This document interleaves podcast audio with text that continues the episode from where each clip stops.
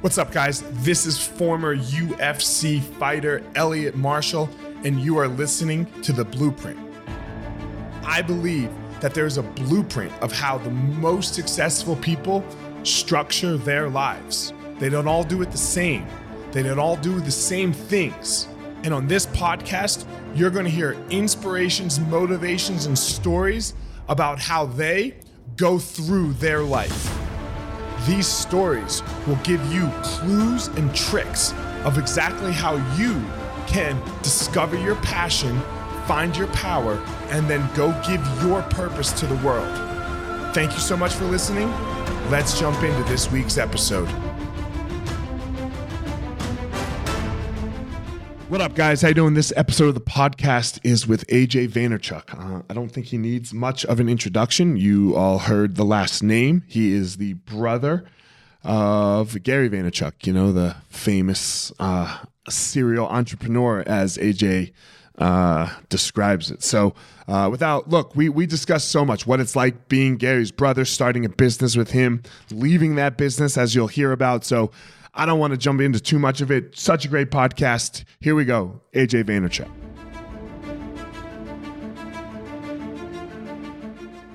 AJ, my dude, how you doing? I'm great, brother. How about you? Thanks for coming on. I appreciate it. I know you're you know busy running, running, running the ship over there. I appreciate it, man. No, happy to jam. Looking forward to it. Man, so we we met each other because uh, of a good friend of both yours and mine, Lloyd. Who, uh, yep. Look, I don't like many agents. I think most of them uh, are sleazy, don't really care, uh, and just just butcher the sport in a way almost, and and aren't really good for the athletes. But Lloyd Lloyd is a different uh, breed for me, you know. So yeah, agreed. Uh, we we met through through uh, Lloyd coming on and working with you guys at, at VaynerSports. Yep. So yep. Uh, yep. How did VaynerSports come about? You know.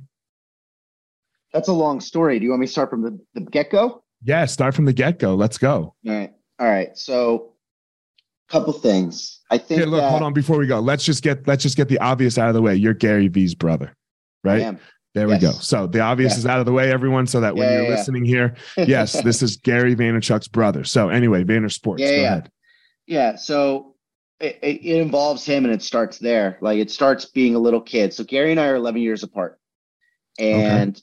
because we're 11 years apart, when it comes to my sports fandom, uh, I didn't really have a choice. I was brainwashed, right? Like Gary, Gary was like made it very much his mission. Like, all right, I got a little homie here.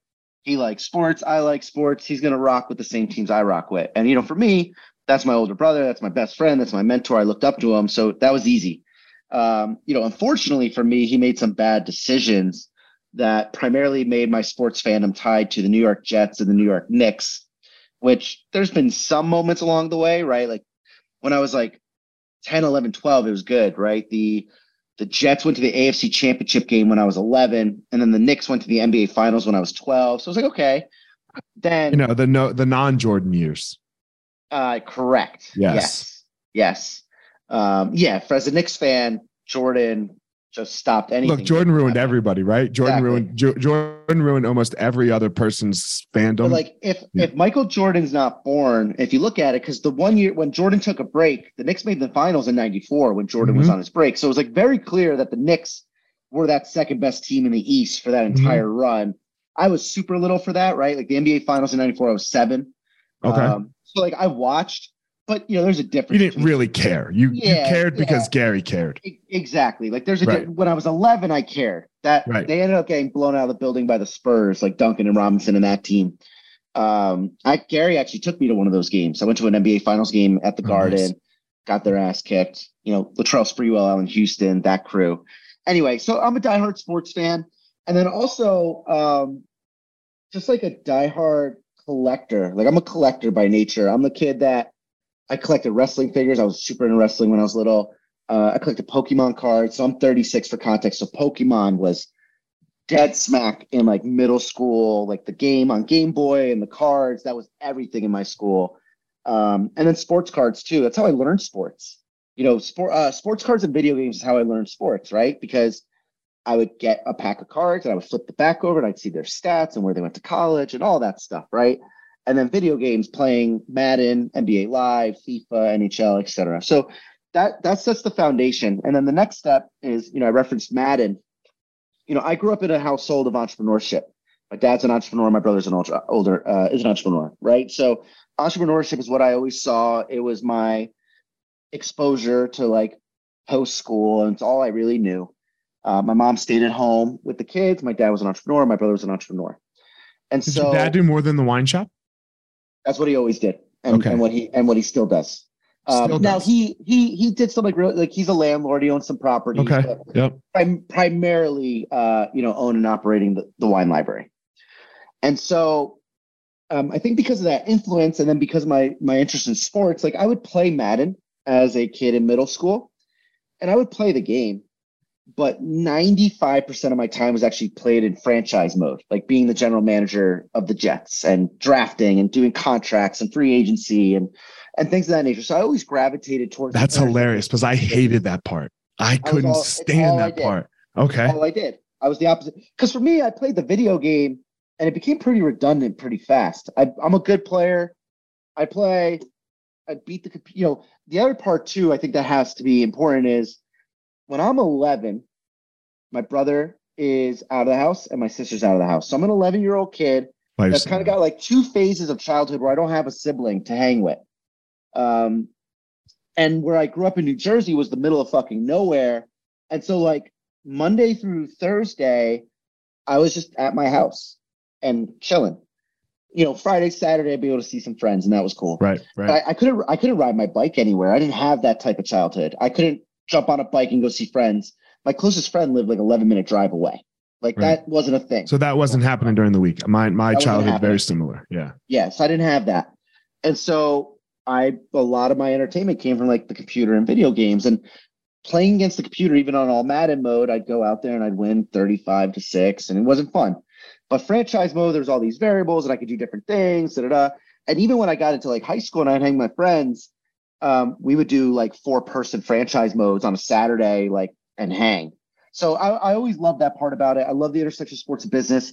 I love the NBA draft, the NFL draft, like all that stuff. I was always into like beyond the surface level sports is where I was. So then that's that. That kind of sets the the foreground.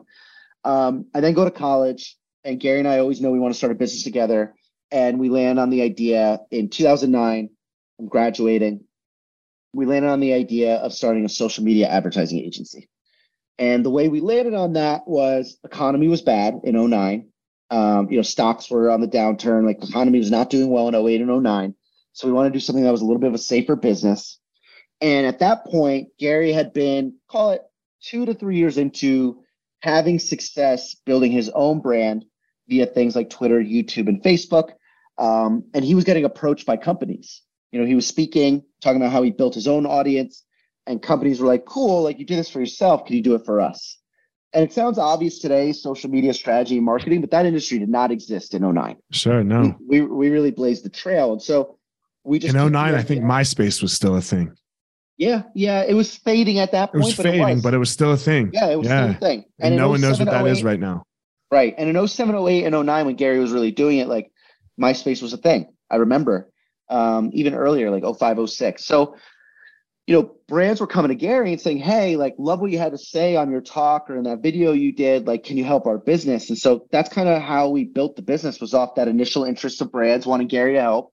And then we started hiring people and we, we built that business and it still exists today. Um, my brother has expanded it beyond just the ad agency to creating this holding company, VaynerX. Um, I think it's nearly 2,000 employees globally. You know, Are you New still in that business? I'm not. No, I left that Okay. business a while ago. Yeah. Okay. So, so to that point, I was a chief operating officer of VaynerMedia, the ad agency, and kind of the growth of that business was uh, it started off as Gary and I, along with a few of my friends from high school and college, close friends of mine that um, you know were excited by what we wanted to do. And then we started hiring people with actual advertising. You know, it was funny. We were like a six-person advertising agency, and not one of the six people had a single moment of even internship experience, let alone ad agency experience. Um, You want And to know my? So you want to know like the people that work for me at Easton? You know how much uh, business experience as Exactly, far as you know, we have zero. But I think I, I love that though. I think it's a Yeah. fresh perspective, right? yeah, and zero. and so so we we built that up. It was like six employees the first year, then like a dozen the next year, and then about 30 the year after that, and then it kind of exploded. We got from like 30 to about 50, about 50 to like 300, 300 to 400, 400 to 550. And when I left, we were like 750 people. Why'd you and that leave? was so um so important part of the story. When I was a sophomore in college, I got diagnosed with something called Crohn's disease, Mhm. um, which I still suffer from today. There's no cure for it. Um, you can only really maintain it. And so I had Crohn's, and you know that I had probably developed it sometime like in my teenage years, as, as I think back, but officially diagnosed at 19. And um, the the thing with Crohn's is there's a lot of variables for how do you manage it, and one of the the biggest variables is stress. And for me, growing that business and being in that industry was very stressful. I um and it, it, it's a nasty cycle where I have a very strong work ethic and I've I set my expectations for myself very high. And so here's the cycle that I really suffered with towards the end of Vayner and, and made me pull the plug. Um, busy, a lot going on, get stressed. Stress then creates problems for my stomach. Then my stomach shutting down and creating issues kind of controls my whole body, like my mind and my body. So then I need to take a day off maybe on a on a, on a Wednesday. Mhm. But then I took my day off and now I'm a full day of work behind and I get more stressed and then more stress, more sick. And it was just this vicious snowball cycle. And I tried a bunch of stuff and I really gave it a real at bat. You know, I, I, ran as COO of Vayner for seven years. So I really tried to figure it out. And I just came to the conclusion that I wasn't going to physically be able to do it. Um, it culminated with me having like intestinal surgery and missing a couple of weeks of work. And I, I really struggled badly. I, I sought out therapy, and therapy helped a lot, but also therapy helped me come to the conclusion that um, I needed to do something different. So, what was in this do something different piece? Yeah. Obviously, you're in business with your brother here, Yeah. and and he's a goer too, right? Obviously, Exactly. what did that do to y'all's relationship? You know, I think it, it really wasn't a strain at all. Um, you know, my brother had empathy for it. He supported me fully. Um, you know, I think something that maybe helped was that he he so understood, not necessarily exactly what I was going through with my stomach and the stress, but you know, my brother uh, essentially left day-to-day operations of my father's business too. So he had been in a situation where he was in my shoes, right? Where he was my brother's career started full-time day-to-day with my dad in the wine business and my brother's actually still involved, but not day to day. Like he was going into the- the office every single day in Jersey. And then right around like a year or two into Vayner, when we realized that we could build a monster, and and and he left the wine business primarily because of the the shitty rules and regulations around selling wine in America. It's state by state. So like you can't sell in Pennsylvania.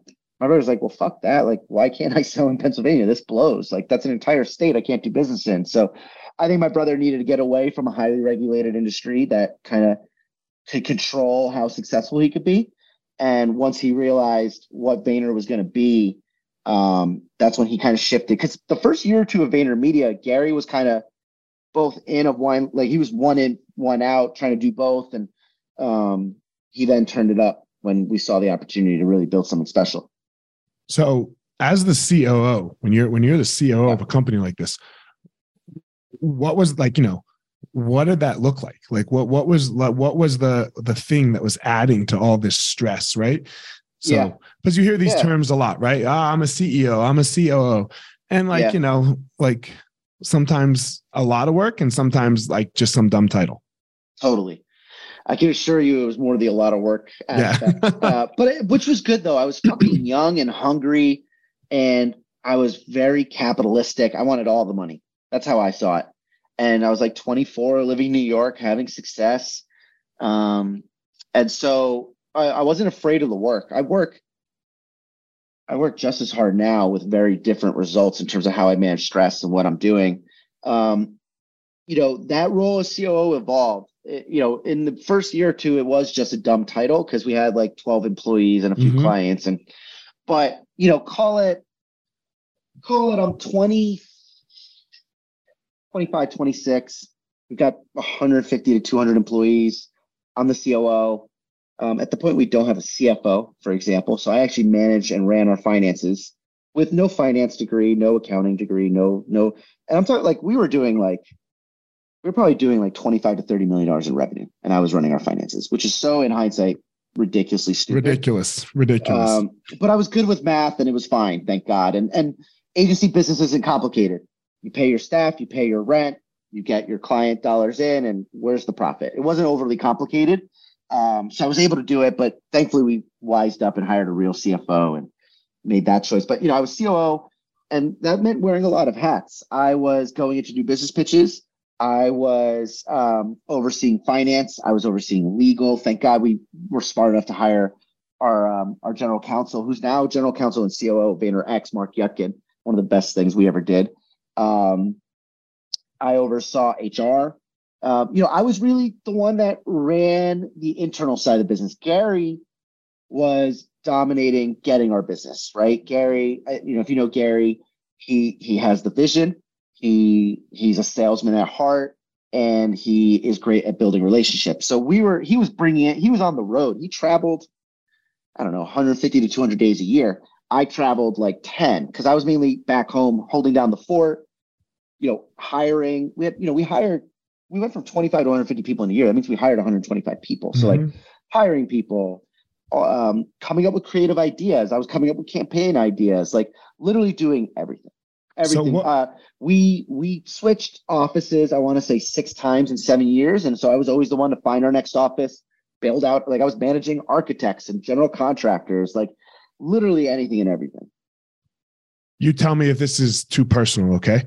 Um, man, so you guys are both just killing it, right? Like as far as on the work end. Yeah. But Gary's blowing up. Yeah. Like like uh, social media as a mm-hmm. famous person, right? Yeah. But it wasn't like doesn't sound like you were working any less. You were just a behind the scenes guy on the work, yeah. right? Yeah. What was that like for you? Like, and if you don't want to answer it, this, it, it, no, no, easy, okay. no problem. Uh, it was easy. You know, I um, Gary and I are so so similar in so many ways, but we're also different in a few. And I think one thing that was really healthy for our relationship at that time was there was never any confusion between CEO and COO, right? Like when Gary and I started VaynerMedia, he was already a decade into his career. He was already very successful. He had already established a bunch of great relationships that ended up being our first few clients for VaynerMedia. So I feel like if we were like two years apart, we would have been more competitive with one another. Mm-hmm. But since we were 11 years apart and he had already had so much success without me, it was like I saw it as like, I'm excited to have my brother help me, mentor me, guide me so that I can be successful. And I'm excited. And he was already, and he already had built his personal brand. It wasn't like we started VaynerMedia and then he was getting famous. We started VaynerMedia because he was getting famous, right? Like he had already had over a million followers on Twitter when we started VaynerMedia. So it wasn't it. as if like there was no angle. It wasn't like your work was getting him famous. Exactly. It wasn't that at all. Got it. Okay. Exactly. So that because of that, there was zero resentment or jealousy or issue. Sure. And, but then the other thing that I think is important is my brother thrives on like being out in public and people grabbing him and asking him for help or like whereas I don't. Like I there's not a single part of me that wants to be famous. I don't care. I don't care about it at all. Sure. Um, so I think that helps too, honestly. I, it's hard sometimes if you don't truly embrace your role, right? Like visionary right. and operator. Like these, these are super important roles with super different characteristics of of just the individual, right? Of just the like the individual man. I hate doing work. I hate right. operating. I can't right. fucking stand it. Yep. If, and the person who operates mostly our business, he does not like going in the school. That's right. And teaching right. classes and being this. That's exactly like, right. You know, so, but What's I think people though, struggle with this. No question. What's interesting though is I was, I thrived being in my 20s and operating. Mm-hmm. I, I loved like, okay, we like, we had, we had a day, I want to say it was like year five, January year five. I think it was like January 4th, 2014 ish. Maybe I'm off by a year Sure. It was the first day in January after the new year, and we had made a bunch of hires because we had a bunch of new business starting in January. We had 28 employees start on the first Monday of January one year. Fuck. and and I thrived on like, how do we find these people? Where do they go? Resource management. How do we onboard them well? Who do we connect them with? Like all this stuff, right? And so I but I think what's been interesting is people evolve and and honestly I've been taking inventory over the last year or so and I'm actually trying to like move away from the operational side and be a little bit more of like go out there business development because like I just think I'm at a place in my career where I've done, you know, almost 15 years of operating and I know it like the back of my hand, but I'm not gaining the same fulfillment from it. I see that I can replace a lot of what I'm doing with other people that are ready to embrace and take those roles. And what's best for my business and my clients is for me to kind of evolve myself and be a little bit more on the other side of the business spectrum. Yeah, makes sense. Let's rewind now. Uh, mm-hmm. You have to step away. What was that like for you personally? It was cathartic. I was always the kid that knew what was what next. I was always the kid that worked my my tail off. Like I was, you know, I grew up in an immigrant. I'm a first generation. Grew up in an immigrant household where work ethic was literally like the number one trait that mattered. Like work, if there was like a rankings of what the Vaynerchuk household valued in, you know, the the 90s and early 2000s, like work ethic might have been the the top attribute. And I think a lot of that just comes from the fact that like my family came over here dirt poor, had nothing, and without work ethic, they would have never been able to make a life for themselves. So I always worked really hard. Um, and I was always the kid that had a plan. I, I knew what college I was going to go to, early admission, like all that stuff. We started VaynerMedia two months before I graduated college. Like I never had a time period to kind of like chill and reflect and identify and take my time. And so that was the thing. I had I had planned my departure from VaynerMedia over the course of a year. I, when I told Gary I was leaving, I didn't leave two weeks later. I left a year later. And that year was backfilling myself, making sure that whatever I was bottlenecking or in control of, I was offboarding. Frankly, the last like two or three months, I wasn't doing anything except just showing up and making sure that um, if there was like an issue that I was the only person I knew the answer to, I would answer it. But I was just hanging out, honestly, the last like two months. Um, so my main thing was when I left, I wanted to have no plan. That was like the most important thing to me. And I could. I was financially secure and I didn't have kids and it was fine.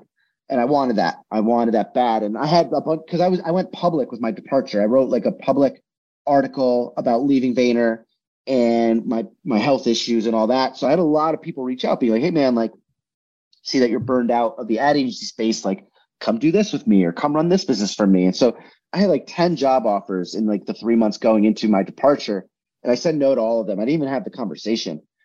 Not because, not in a disrespectful way, not in an egotistical way, but because literally the only thing I wanted when I left VaynerMedia was to not have a plan. And so I took, my plan was to take a year off. I want to take a sabbatical for a year. And um, it started in May of, I want to say, was it May of 16? Either May of 16 or 15, I can't remember and um, I think 16. And um, yeah, I had no plan. I wasn't taking any meetings. I wasn't exploring anything. Um, my initial time away was awesome. My wife and I got a house in Martha's Vineyard. She grew up in the Boston area, so Martha's Vineyard was like a popular uh-huh. vacation area for her. We rented a house from like Memorial Day to Labor Day. So we were out there basically June, July, and August. I was walking my dog every day. I was playing a bunch of golf. We were having friends visit us. I was cooking every meal, like grilling, you know, fresh catch on the grill for lunch. It was awesome. And I just hit the reset button. I, I took time. And then like after like a month, I was kind of like, okay, I love this, but like I'm like 29 years old and you know, I'm I'm a competitive dude. I need some action. And so what I had was. Um, I, let me ask you a question. So when you know you're 29 years old, you're a month in. Like when you say you're financially stable, are you financially stable for the rest of your life? Like you don't have to go back to work.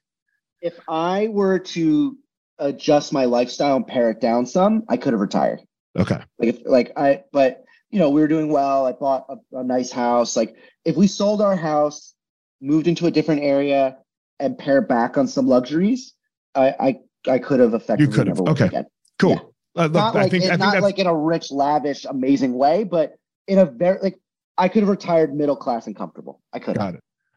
That that's a decision maker on whether or not people are going back to and work. By the way, right? by like, the way, yeah. that was part of that was part of what I reflected on. Was like, sure. do I do I sell the house? Do we do we like cancel a few things and take one less trip a year? And like do I just do this? But after a month, I'm like, that's definitely not what I'm doing because I think I would go crazy. I would I would just go crazy. I'd be bored. Yeah. Sure. Um, but I thought about it. I'm like, could I literally just like golf forever and just chill? And I, I couldn't. So, I mean, I know I, I can't either, bro. Like, yeah, I, yeah, I don't, I, you know, like, like where the schools are. Uh, I, again, I, I wouldn't be. I'm not fucking rich, you know, like like fucking yeah. flying private jets and going wherever the hell I want. But I could I could just chill and and like right. you know do nothing. Exactly. Teach a couple classes. Exactly. And pare my life down. Right. Right. Exactly. So, so that that was a situation I was in. I think I spent a month kind of dissecting that question, and then when that became very clear to me that that wasn't the answer, mm-hmm. um, I started what I had in my exposure. Uh, uh, um, what I had in my hands was um, investments. You know, Gary and I made investments in companies either through our fund or I did personally, and so I was like, you know what, this is a great way to like kind of get my juices going a little bit, but I don't have any responsibility. I'm not the operator. I'm not the CEO. I'm just an investor trying to bring value. And so I was just checking in with some of the companies and would take random phone calls. Like I would take my dog for a walk and jump on the phone with an entrepreneur and talk to them about what they're up to. And I would mainly focus my help on like scaling. Like, hey, I'm an entrepreneur. Um, we we did great off our initial seed round. We just raised 10 million for our Series A. We need to go hire 80 people and add business units. Like that's where I was having conversations with people because that was the best place I could speak to it. I built a business. Uh, you said this word a couple times, and it's like such a catchy phrase. Uh, entrepreneur. What do you define as an entrepreneur? Like, how do you define that? I define an entrepreneur as somebody that um, has a vision for a business that they start themselves and that they uh, grow and build and either eventually sell, fail, or operate. And that means you're not going and working for somebody else. You're not going into corporate America. Um, but I, I, keep a very vague and loose definition of entrepreneur. You keep it loose, right? So I, I do. Got it. I, I guess my definition, just for please. you know yeah, differences please. a little bit, is uh, I would call that more of a business person. Like you just have a business mm-hmm. and, and and you do your thing. An yeah. entrepreneur, from my perspective a little bit is is you have multiples that you are mm. like, you're like here and there and you know and you might not be running them all maybe you're running one of them but you have all sure. these you know yeah. uh i well, like i don't feel like i'm full entrepreneur like my, like i like go ahead my distinction is i would call what you described a serial entrepreneur okay that's how i like my brother's a serial entrepreneur is Got how i it. see it okay but but also there's not a right or wrong. Yeah, there's no right or wrong. This is just yeah. yeah. It's just such but a catchy I, I thing that you know some kid yeah. in their basement calls himself an entrepreneur because yeah. you know, and I'm like, yeah. What's kind of cool is it's catchy today, but like Gary was talking about it, like 20 years ago, entrepreneur meant you were a loser. You were a loser. Yeah. Oh, 100 percent. You were a loser. Right? It just mean it just mean you had failed businesses. That's or what an entrepreneur hire, was. Or you couldn't get hired right. and hold a job. Right. Exactly. Right. It was like, so oh, cool. everyone fires me. Yeah. Yeah, exactly. So it's cool that entrepreneurs had this like rebranding and has been more looked at upon more favorably. And because our school, you know, our school system doesn't cater towards not our public school system doesn't cater towards entrepreneurship, right? So if you don't fit into that factory worker model that our archaic school system tries to mold, you're a loser, is what it used to be. God, it's so, you know, I'm dealing, I have my kids, like I said, love basketball. We were talking about it offline and I was just in, I was just in a meeting with my buddy uh, who is an athlete as well, a fighter. Mm-hmm. He was like, and he's black, you know, he's black and Asian. And we were talking about it. And he goes, Look, I only judge young kids' athletics if the kid if the kid's good, if he can do it against black kids. Because if all he does is do it against rich white kids in the suburbs, it don't fucking count. You know, we were just like joking about it, right? And I was like, Oh, I feel the same way, you know because like these kids it's their only way out right it's like this right. is this is it so um anyway we have some of these That's kids funny. on our on our basketball team and i'm trying to help them a little bit and it's kind of fun you know mm-hmm. and they're mm-hmm. like why and they ask me like why don't we learn this in school and i'm like because school doesn't want you to do this right yeah, and listen, I'm not going to sit here and pretend that if I were president, I could fix the scholastic system because it's it's a behemoth. But but as I look at it, you know, when you get into high school, I think it's broken. I'm cool with like my, my daughter's in kindergarten. Mm-hmm. I'm not debate I'm not debating the methods to get my daughter to understand how to write the mm-hmm. alphabet and count and read. Like I'm good with that. And even middle school, some fundamental stuff like learning basic arts and sciences and history, like cool. But man, when you're 14, 15, 16, 17, 18, and I reflect that like what I learned and what other kids are learning. I do believe there, and there's schools out there that provide this. It's awesome. Like you get these alternative opportunities, and um, it's just the thing that's tough.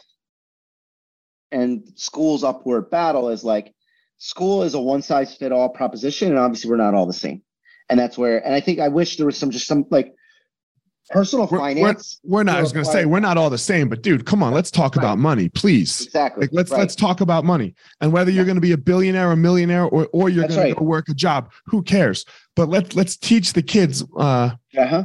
These kids ask me what what book like they're, they're like how you did it. You made all your money fighting, right? I was like, yeah, no, mm-hmm. right. like the UFC didn't pay what you think they paid back then, and I wasn't that good, so no. Right. Uh, so. uh, so oh, they're like, then what is it? How'd you do? I was like, through business. You know, I was like, through yeah. business. And I was like, look, let's let's read this book. And we're reading Rich Dad Poor Dad. Yep. Like just understanding what an asset is versus a liability. And sure. you don't you this this word, those two words are unspoken in school. Hundred percent. Unspoken. Yeah. You know, so it's really strange. But anyway, we, we could go down this rabbit hole forever. Yeah, so yeah, you take your year off. Uh, I'm yes. sorry, you take your month off. You're like, starting yeah. to talk to in some investors. Yep. Right. Where wh- what's next? Where, where what's the what's the follow up to all of this? Yeah. So this is this is how a half hour into your question, I finally answer how Vayner yeah. Sports came to be.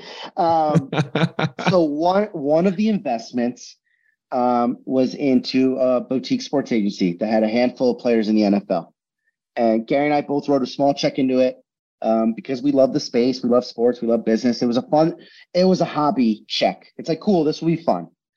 And you know, I'm a month or two in, and I'm taking these calls with entrepreneurs. All right, so hold on. You're a month. You yeah. you write a, a check, and you're like, it's a hobby. I wrote a check like less than a year before I left Vayner. Maybe like okay, nine months before I left it. Vayner, I wrote a check in the sports agency. Okay. And I'm a month or two into my sabbatical, and I'm having these calls with entrepreneurs that Gary and I had invested in. Got it. And and I remember getting off the call. Um, our business partner Brian, who's still with VaynerSports today, um, he was wrapping up a trip, I think, in like Baton Rouge. He was seeing some kids from LSU, and I was getting, I was on the phone with him. We were talking about it, and I hang up the phone, and my wife Allie's like, "Oh, who was that?" I was like, "Oh, that was Brian from the sports agency," and she was just like, "I feel like you talk to Brian almost every day. Like, you and Gary invested in over hundred companies. Like, what other entrepreneurs are you talking to daily?" And I'm like, "None of them." She's like, "Doesn't that tell you something?" And it just hit me. I was like, that does tell me something, right? And so um talked to Brian more so, thought about it, made sure I was like, you know what, I'm definitely gonna cut this sabbatical short. I'm not gonna cut it. So, you know, this is maybe like two months in. We've got another like month and a half left at this house that we rented. I'm like, you know what? I'm gonna take the summer, but after Labor Day, I'm back, kind of thing. And so um what'd you do about Day, your health?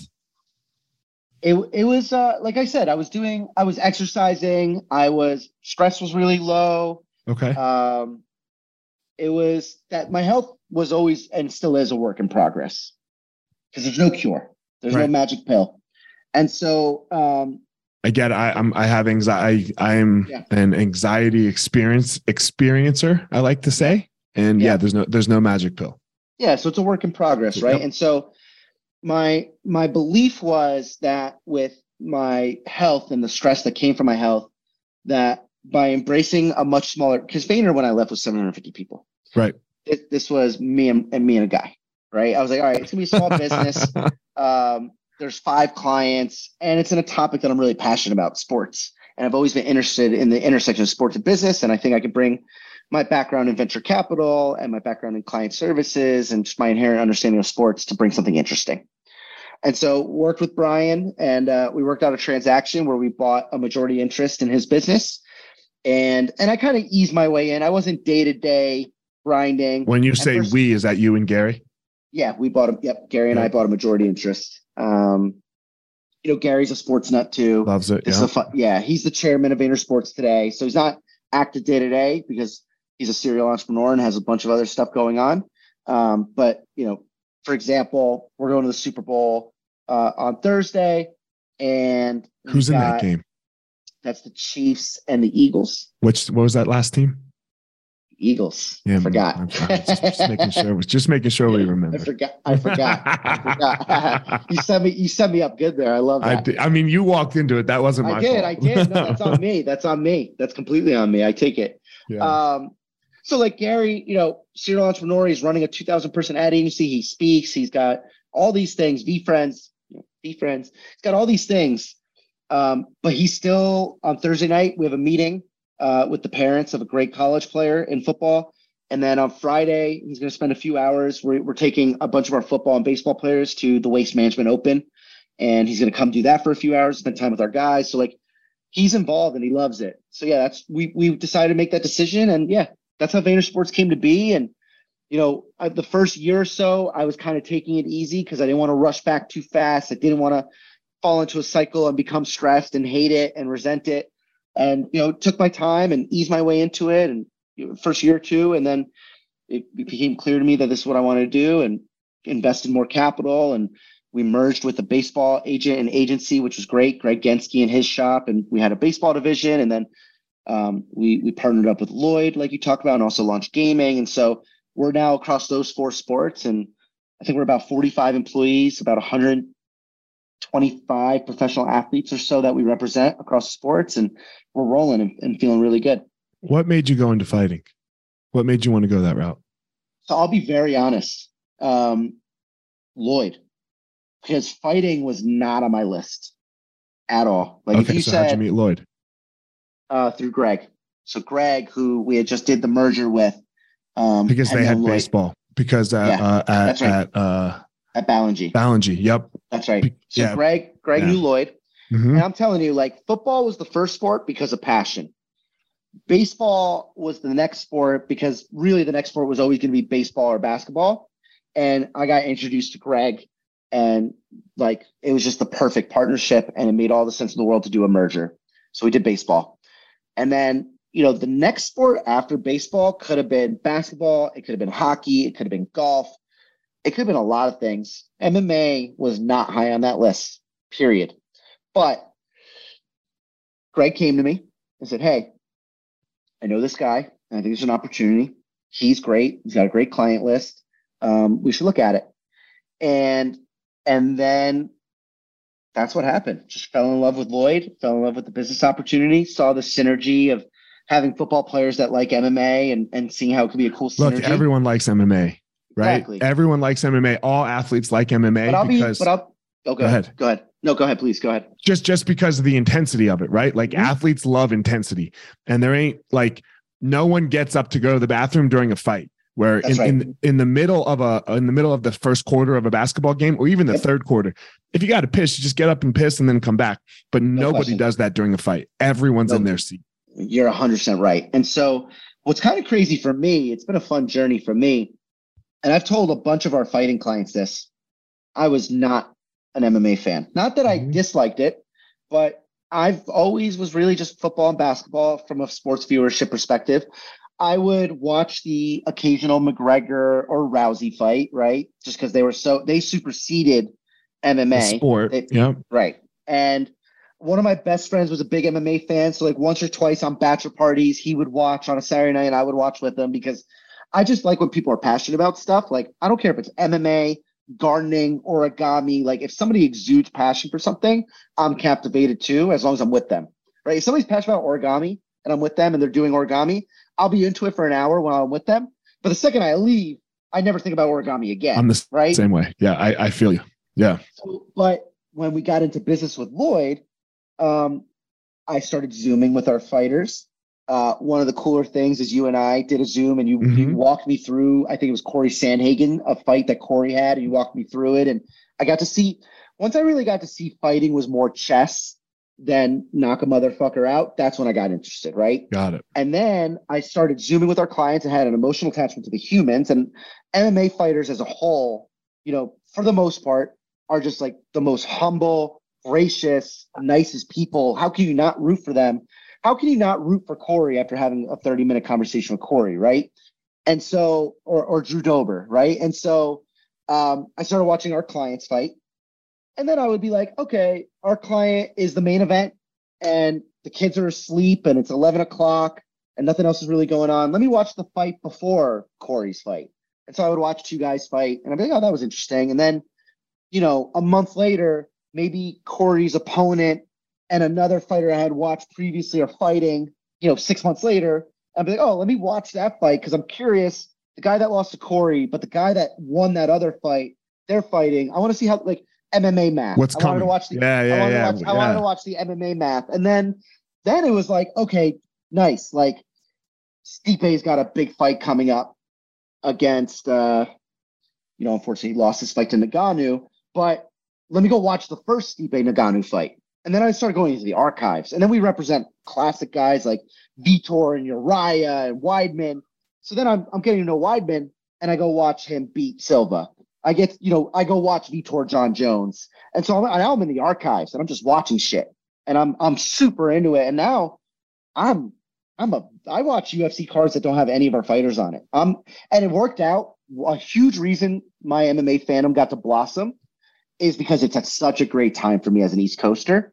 Everybody's asleep, right? Like and you stay up. and I stay up, right? So It's I hate East Coast fights for that reason. Yeah, I, get can't it, I stand. East and Coast I, and fights. Way, trust me, trust me, I hate it too.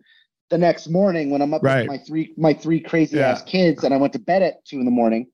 But I love it because I, it doesn't take away from my responsibilities as a husband and a father, Got it. and and I'm able to watch it. And so if we've got a guy fighting, and it's 11 p.m., my my wife's asleep, my three kids are asleep, and I'm just locked in on the couch enjoying myself. Got it. Yeah. So I, uh, uh East Coast, like I, I, the only thing I don't like about the travel opening back up is going to other countries and, uh, and East Coast fights. I, I remember once, uh, uh, Neil Magny fight in Brazil. We walked to the cage at 3 a.m. Yeah, that's super tough. And yeah, we um it, it it is. And like I mean, last week's card was insane. I was so, so grateful we didn't have anybody on that card. But like yeah. wasn't wasn't the Derrick Lewis fight at like 3 a.m.? Yeah. It's because they were on Korea Asia. time. Yeah, exactly. Yeah. They were getting they were covering Korea, which I was just so glad that like Drew or somebody didn't have a fight on that card. I'd just be like, fuck me. I gotta be up at three in the morning to watch our guy fight. But um, you know, generally speaking, I prefer the East Coast 10 p.m. start because I can watch and I can chill and I'm not being a bad dad or husband or anything like that. How did you build this culture at Vayner with, with the agency? Because, for example, um, even Sarah, for example, who no Mhm. one knows, right? You the only way you know Sarah is if you have a fighter. Okay. Right. She's amazing. Mhm. She she she truly uh I I had a situation last fight, for example, right? Like where Drew's fight got moved a week. He was supposed to Mhm. fight December 10th. They moved it to December 17th. I had a retreat in Hawaii that I already had people. I had 10 people signed Mhm. up for. They all paid four grand. Yep. Right. Like, so Yeah. man, this is this is an issue now, right? Because Right. like I because Drew and I coordinated on the front end. Like he's like this, you know, and but then all of a sudden, boom, it changes. Sarah just worked it out for me. Mm. And she- like that, that's not like she could just be like, Elliot, work that like fuck off. Most agents are like, fuck Right. off. Right? Right. That's not the fighter's problem, Right. you know? So Sarah coordinated with the UFC for, for me to work out all of my flights, how I Yep. asked for them to be, so that Yep. I got to Hawaii to do my retreat on time. That is a culture thing. That is not Yeah. a Sarah's cool thing, which she is as well, right? Yeah. Like I love Sarah. Yeah. How did you guys create that? And that's only my example of how yeah, great. you know, but I'll, I'll be honest. I don't want to take credit for that because, like, that's how Lloyd and Sarah rolled before we got to work together. Like, that Okay. I, I don't want to take credit for that. But what I will say is, I think my indirect way of answering your question is that if you look at our client roster and if you look at our staff, it's almost self selecting in the sense that we, without Lloyd and Sarah being the way that they are, we would have never brought them on and we would have never had a combat division. So I think mm-hmm. it's it's more that like we saw the world the same way. And I, I guess to answer your question, the way we've been able to build this culture is by having a clear understanding of like what we're about and what we're trying to accomplish, and only bringing on people that share that same vision, So values. values, core Yeah. values. Yeah. Because our It's core crazy. value is not to tell our client's coach to fuck off. That's not our core value. And if that was the core value when I first met Lloyd, I would have told Greg, I don't want to partner with this guy. Right. I mean, look, they wouldn't like no one. I shouldn't have said fuck off, right? But I know, I know just, what you mean. I know, yeah. I know what you mean. I know. Because no, no, one's gonna say fuck off, but they're gonna be like, Elliot, here, you can handle that, right? Which is which is which fuck is off. fuck off, right? Just, there's levels. Of, there's levels of fuck off. I know what you right. meant. Yeah. We we we strive to go the extra mile. Yeah. Look, uh, I I uh, consult with other martial arts schools, and we you know we have an online coaching thing, and the first thing we handle, eh, you know, first some of the setup of like, okay, what's your organization look like and understanding that. And then it's like, look, the first thing we got to handle is core values. And they're like, dude, that's like some foo foo, like, and it's not, it's just not right. Like, because if, if it's all about making Gary and AJ or Elliot money, yep, and no one gets on board. No one gets 100% on board. right. I think that was probably the most important thing I learned from Gary, honestly, amongst other things. Just like it was just so incredibly clear. Like he's he's so so good at articulating his core values to staff. Um, it's just there's never any confusion about what's right or wrong or what we're trying to accomplish, and we're patient, and he he crushes that piece of it. It's so important though. Like that that yeah. is that is the piece yeah. that uh, you know. And if you do it wrong, it can go terribly wrong for sure. But you yeah. you have to get so clear on them that you know, and, and you can't not then, live by them. I was you just you fucking just I was just you have to practice what you preach, right? Because mm-hmm. if I tell our 45 family members, here are our core values, and then on a day-to-day basis, I'm a hypocrite and don't follow those core values, my team will check out. They're gonna be like, this guy's full of shit. Like the, these core values are words on paper, they're not real. And so not only do you have to establish the core values, but you have to practice what you preach. Um, and I'm a big, big believer in that. You, uh, look, I, I think, and you know, I didn't make this up. Obviously, somebody else much smarter than me did. You are who your family thinks you are. Yeah. Like who your wife, who my wife and two kids think I am. Yeah. That, that's who I am. Yeah. I'm, yeah. I'm no one else because you can't hide in the walls. Nope. You know, and if you're if you go to work in your business long enough, like I go to the Denver school every day, yeah. I can't hide because I'm there right. every day, right? Like right. Elliot right. comes out, right? And AJ will come out and who, so they'll get to see very clearly who you are. And, I agree. And so if you're if you're not doing it, then it's all you know. The whole thing crumbles. I agree. So, man, uh, as we as I wrap up here with with the questions, um, there's two questions that I ask everybody. Okay, Great. and look, this this one isn't to toot my own horn. This is more of a like I don't want to be like, oh, I like you and and you're cool answer. Like, sure, we know each other, right? So, mm-hmm. but uh, look, you're already famous. You already have money. Uh, you're Gary Vee's brother. If you wanted to get on any podcast in the world, you could yeah. get on any podcast in the world. This one's going to do nothing for you. Like absolutely, like financially, um, move the needle for VaynerSports, right? Like yeah. it's going to yeah. do nothing. So why take the time? You said you already said stress builds you. You're busy, right? Like, yeah. so why take the time and come on some dude's podcast? You know, we text, we're homies. Yeah, You're not my yeah. best friend. I'm not yours, right? Like, yeah, no, I love it. It's so real. Yeah. Um, honestly, it, it goes back to you did this for me in the sense that when we first started working with Lloyd, like you took the time out of your busy schedule, you got shit to do, and you literally just walked up. And by the way, when you and I first spoke, mm-hmm. my MMA knowledge was a D minus at best. Sure. Like I was a sports fan and I'm an astute entrepreneur and I had a, a willingness to learn, but like you spent a half hour breaking down film and walking somebody through something, and you didn't have to do that. And so I'm a big believer in just like I like spending time with good people with good intentions matters. And I don't and I'm not terribly concerned about ROI or how much this is going to help me moving forward. That doesn't mean anything because I think if globally you spend you allocate your time in the right ways and you do the right thing and you do well and you align with good people, it's going to work out. That's um, look. I th- I think people get too hung up on the this has to bring me back something, mm-hmm. and you never know what it brings you back.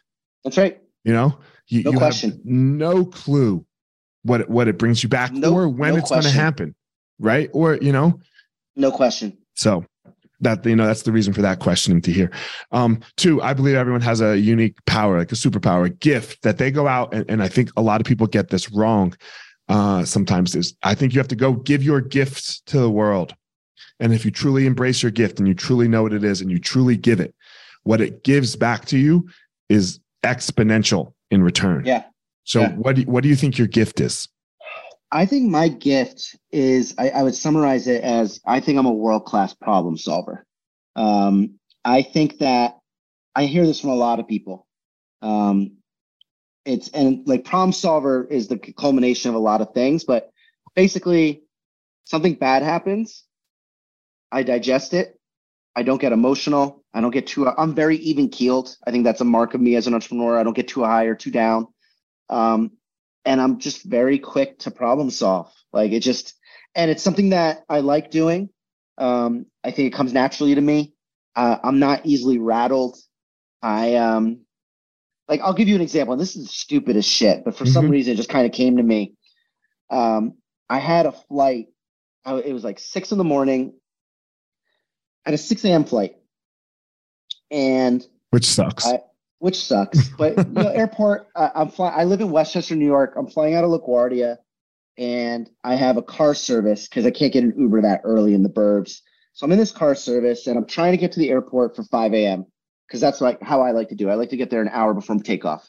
Usually TSA pre or clear gets me oh no yeah. Oh problem. yeah. Oh yeah. Oh Um, yeah. I try to get it in early before takeoff. I can be more aggressive, but getting in 45 minutes before takeoff, it creates a little bit of anxiety and I Yep, I agree. Hour's the point. I want to show Hour's up at point. the at the airport one hour. That Exactly. right. So I want to be at 5 a.m. for a 6 a.m. flight. Yep.